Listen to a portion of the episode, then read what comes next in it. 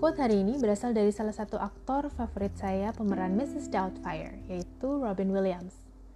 Robin pernah bilang, Change is not popular. We're creatures of habit as human beings. I want it to be the way it was. But if you continue the way it was, there will be no is. Perubahan bukan sesuatu yang ditunggu-tunggu kehadirannya. Kita sebagai manusia adalah makhluk yang terbentuk karena kebiasaan. Kita sering bilang, aduh gue berharap deh keadaan bisa balik kayak di masa lalu gitu. Tapi kalau kita meneruskan keadaan seperti di masa lalu, nggak akan ada yang namanya masa kini. Tahun 2020, seluruh dunia nggak cuma di Indonesia kaget dengan kehadiran virus corona. Rasanya nggak ada profesi yang nggak terdampak akibat virus ini. Karena sifatnya yang mematikan dan bisa tersebar dengan cepat, sebisa mungkin kita diminta tetap berada di rumah. Sejak bulan ketiga di tahun ini, kita seolah-olah dipaksa untuk beradaptasi dengan gaya hidup yang baru atau new normal.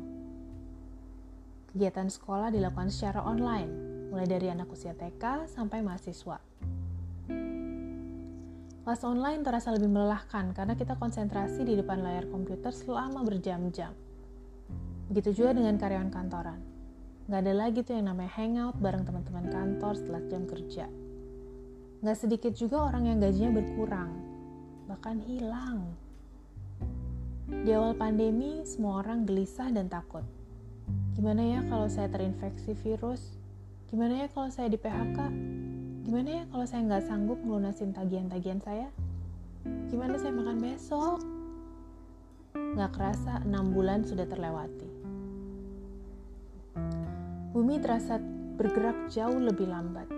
Kita seolah diminta untuk duduk diam dan melihat ke dalam.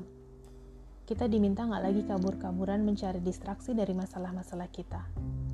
Kita diminta untuk hidup dengan segala keterbatasan. Dan nyatanya manusia itu memang benar-benar makhluk yang adaptif dan kreatif dalam bertahan hidup. Setelah dijalanin, kita ternyata sadar nggak perlu kok segitu seringnya makan di luar, ngopi-ngopi, belanja belanja belanja di mall. Teman saya yang tadinya nggak pernah masuk dapur, sekarang jadi beralih uh, jadi penjual makanan dia. Pemusik yang nggak bisa rekaman, bikin konser live di social media.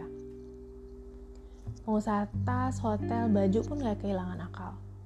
Mereka bikin live shopping atau lelang Guru-guru yang tadinya gaptek jadi lebih mampu menguasai teknologi. Banyak juga yang jadi punya hobi baru, belajar bahasa, belajar naik sepeda bahkan. Pokoknya belajar hal-hal yang baru yang selalu ingin dilakukan, tapi nggak pernah sempat karena selalu aja ada alasan untuk nggak mulai. Pandemi memang berdampak pada berbagai bidang, tapi saya yakin kok manusia lebih pintar. Kita pasti bisa melalui ini semua. Karena seperti kata Winnie the Pooh, You're braver than you believe, and stronger than you seem, and smarter than you think. Kamu tuh sebenarnya lebih berani, lebih kuat, dan lebih cerdas dari yang kamu pikir.